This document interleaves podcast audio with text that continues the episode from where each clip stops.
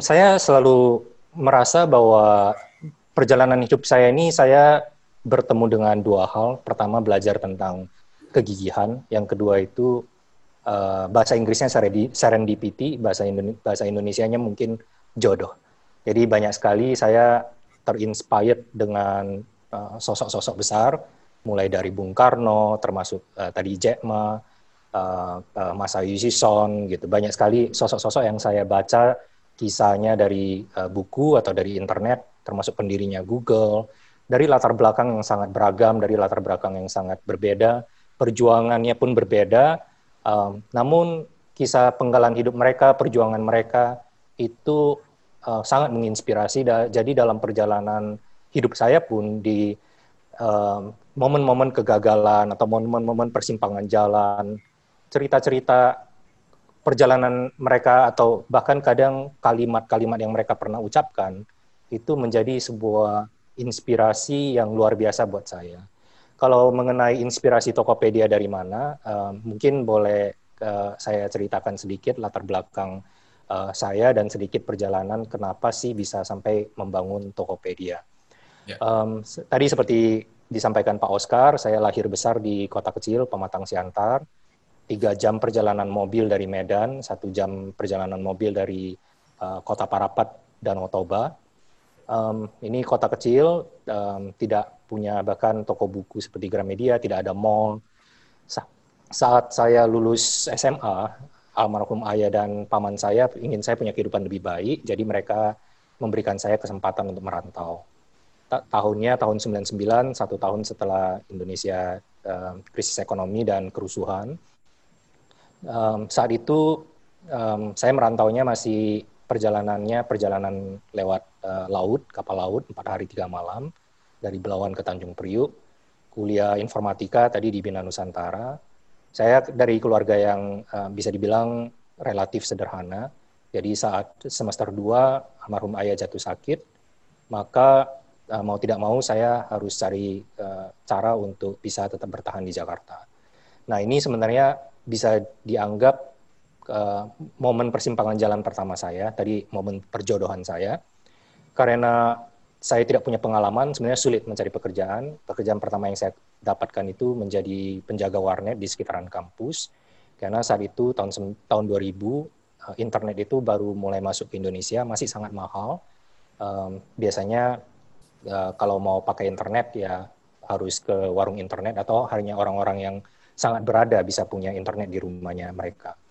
Nah, buat saya itu benar-benar berkah yang sangat luar biasa, blessing in disguise, karena saya bisa pakai internet 12 hari, uh, 12 jam sehari, dibayar pula untuk itu. Uh, namun memang saya saat itu jaga warnetnya shift malam, jadi 9 malam sampai 9 pagi.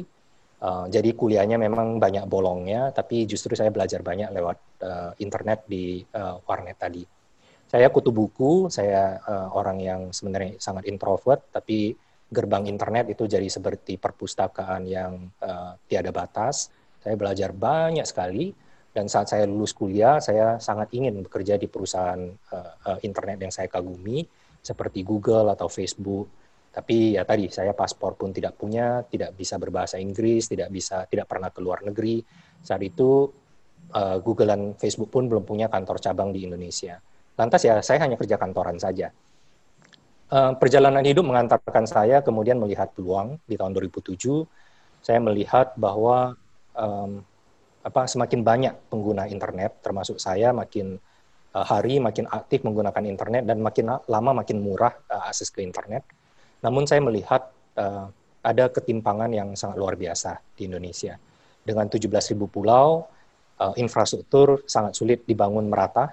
Uh, jadi kalau seperti pengalaman uh, uh, saya di masa kecil, uh, misalnya mau beli buku, pasti uh, di Siantar jumlahnya sangat terbatas, harus ke kota Medan. Dan ketika saya merantau ke Jakarta, saya menyadari di Jakarta jumlah barang yang kita bisa beli itu uh, tentunya uh, pilihannya sangat kaya gitu ya, tapi juga harganya itu ternyata lebih murah di Jakarta dibandingkan di Medan, lebih murah di Medan dibandingkan di Pematang Siantar. Jadi agak uh, menyedihkan Indonesia di mana kota kecil pendapatannya justru lebih sedikit, Tapi untuk harga yang relatif uh, mereknya sama, justru harus merogoh kocek yang lebih dalam untuk bisa membeli barang tersebut. Karena tadi logistik di Indonesia ini tidak mudah dengan 17.000 pulau.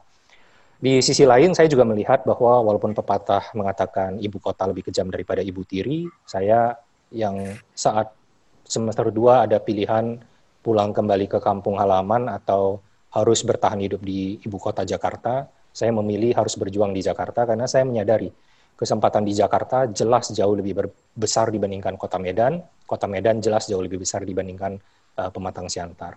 Buat saya ini uh, bisa jadi lingkaran setan yang sangat berbahaya karena kalau putra putri Indonesia terbaik terus membangun Indonesia dari kota besar maka uh, pemerataan kesempatan itu tidak akan pernah terjadi maka ini akan jadi lingkaran setan yang tiada putusnya saya melihat uh, belajar dari tadi cerita-cerita kesuksesan pendiri perusahaan internet di berbagai negara mereka bermodal kreativitas menggunakan internet bisa menghubungkan jutaan bahkan miliaran orang di uh, platform internet dan bisa memiliki kepercayaan satu sama lain. Lantas saya pikir kalau kita bisa juga membangun kepercayaan antara orang-orang Indonesia yang tidak bisa bertemu, ini akan sangat uh, membantu sehingga semua orang bisa punya kesempatan yang sama. Nah, idenya sudah dapat, tapi karena tadi um, uh, tidak berasal dari keluarga yang uh, berada, saya tidak punya modal dan kebetulan uh, ayah saat itu kena kanker, jadi saya juga tulang punggung satu-satunya. Lantas saya terinspirasi dari pendiri Google dan Facebook. Saya baca cerita mereka, mereka bahkan drop out dari kuliah mereka, tapi kok bisa mendirikan industri yang begitu besar. Ternyata mereka mencari pemodal uh, yang percaya akan ide mereka.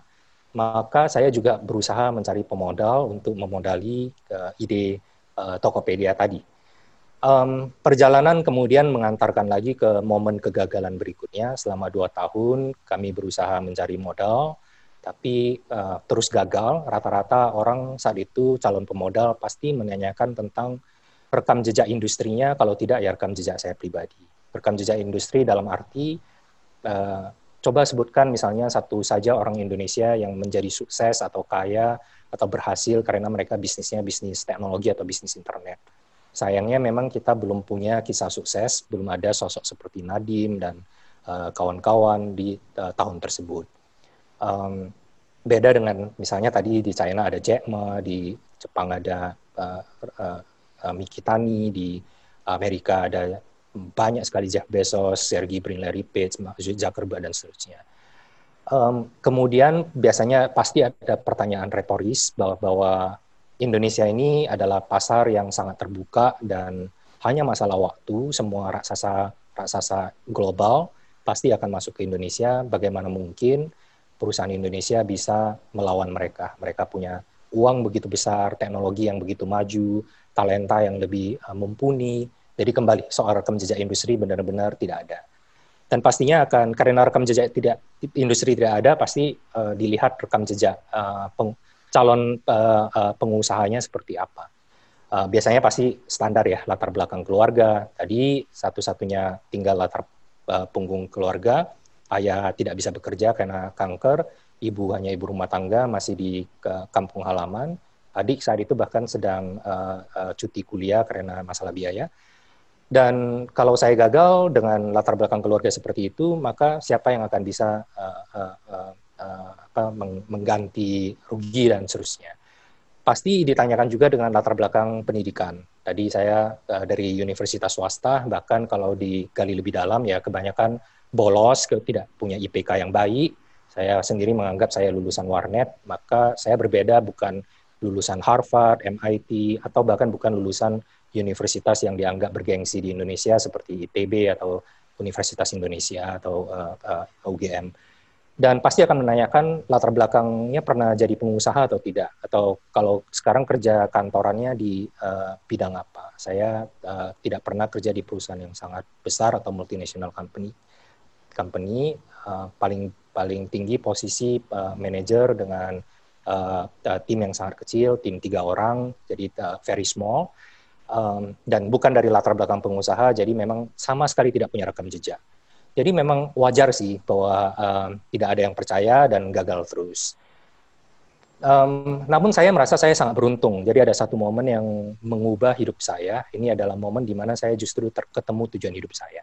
Yaitu ketika saya bertemu seorang calon pemodal dan dia memberikan saya nasihat, William kamu masih muda, muda itu cuma sekali, jadi jangan sia-siakan masa muda kamu. Um, role model kamu seperti orang-orang yang kamu idolakan, semuanya adalah orang-orang spesial uh, Jack Ma, Sergey Brin, Larry Page, mereka orang spesial. Kamu orang biasa-biasa saja, jadilah mimpinya pun yang biasa-biasa saja, carilah yang lebih realistis. Saat itu, um, itulah momen di mana saya ketemu tujuan hidup saya, karena um, saya merasa bahwa saya ingin membangun sebuah media, sebuah platform di mana semua orang bisa punya kesempatan yang sama, tapi saya sendiri ketika mau memulai bisnis pertama saya, um, semua orang juga menanyakan tentang masa lalu dan hampir uh, jarang sekali orang yang menanyakan sebenarnya visinya seperti apa. Um, dari latar belakang yang saya serang, senang, senang membaca, saya melihat di Amerika, saya, saya saat itu iri, iri sekali. Di Amerika itu ada konsep namanya American Dream, bahwa uh, tidak tidak tidak peduli kamu latar belakangnya apa, uh, uh, latar belakang ekonominya apa, dari keluarga apa, itu tidak penting. Yang penting itu visi kamu ke depan, American Dream. Tapi justru di momen itu saya juga teringat bahwa uh, Bapak pendiri bangsa kita, Bung Karno, sebenarnya sudah pernah menitipkan Indonesian Dream, yaitu beliau pernah mengatakan, bermimpilah setinggi langit, jika engkau jatuh, engkau akan jatuh di antara bintang-bintang. Itulah momen yang benar-benar mengubah hidup saya. Saya merasa bahwa Indonesia belum 100 tahun merdeka, mengapa anak-anak Indonesia sudah kehilangan kemerdekaan untuk bermimpi saya di titik itu percaya bahwa masa lalu sudah tidak bisa diubah, tapi masa depan ada di tangan kita sendiri. Maka saya berjanji apa pun yang terjadi, Tokopedia harus lahir dan Tokopedia harus uh, menyelesaikan masalah ketimpangan tersebut.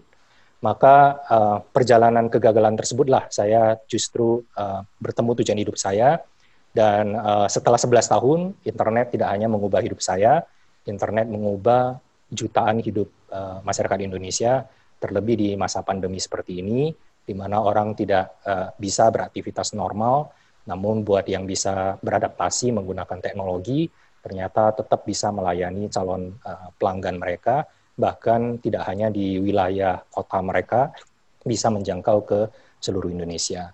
Sekarang Tokopedia setiap bulan sudah dikunjungi uh, lebih dari 90 juta masyarakat Indonesia, sudah ada 8,9 juta masyarakat Indonesia yang memulai dan mengembangkan bisnis mereka bersama Tokopedia. Setiap bulannya Tokopedia sudah menjangkau 98 persen kecamatan di Indonesia, di mana dua dari tiga barang yang dibeli sudah bisa dikirimkan dan diterima dalam waktu 24 jam ke depan.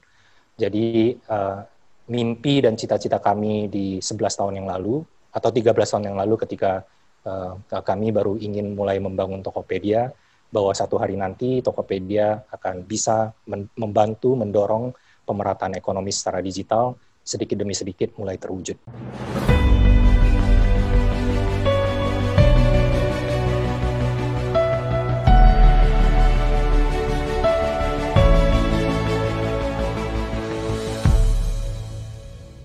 Ini merasa sangat beruntung ya, lahir di kota kecil. Saya pikir uh, kita akan punya cakrawala yang sangat berbeda.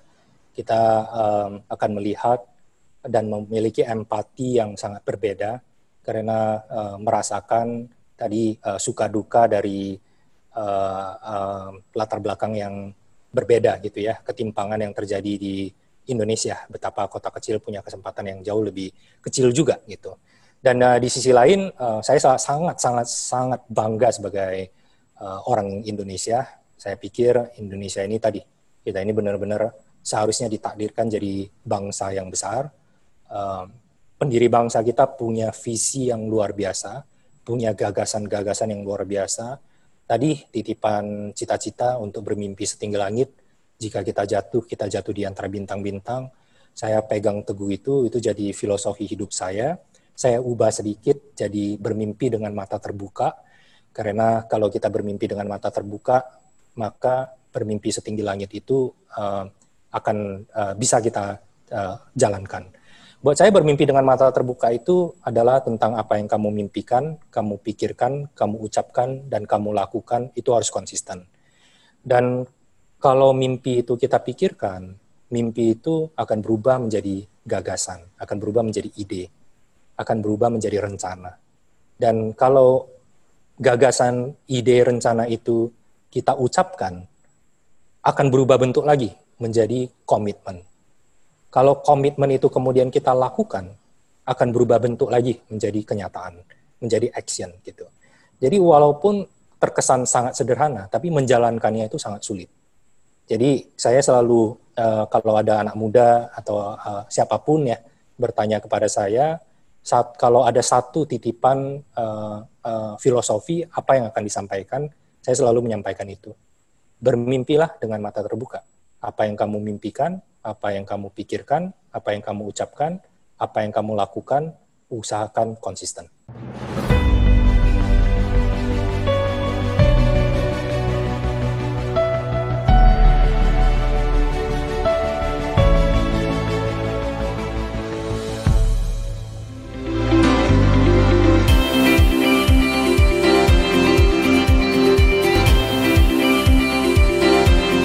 Riser and Podcast listeners, terima kasih Anda telah menyimak Rise Podcast Special Edition yang dipersembahkan oleh Kingdom Business Community. Harapan kami setiap episode Rise Podcast dapat menginspirasi Anda untuk terus mengalami transformasi dalam melakukan bisnis dan profesi Anda untuk tujuan yang mulia, membangun bisnis melalui manusia dan membangun manusia melalui bisnis. Kami mengajak setiap Anda dan perusahaan Anda untuk bergabung bersama kami dalam komunitas Kingdom Business Community. Secara bersama, kita bisa bertumbuh, berkembang, dan sukses, serta dapat berkolaborasi dalam gerakan kepedulian kepada sesama untuk Indonesia yang lebih baik. Untuk dapat bergabung, silahkan kunjungi website Kingdom Business Community di www.kbc.or.id atau hubungi Sekretariat Nasional KBC di 0817 131 257. Sekali lagi www.kbc.or.id. Rise Podcast Kingdom Business Community. We podcast with heart. Sampai jumpa.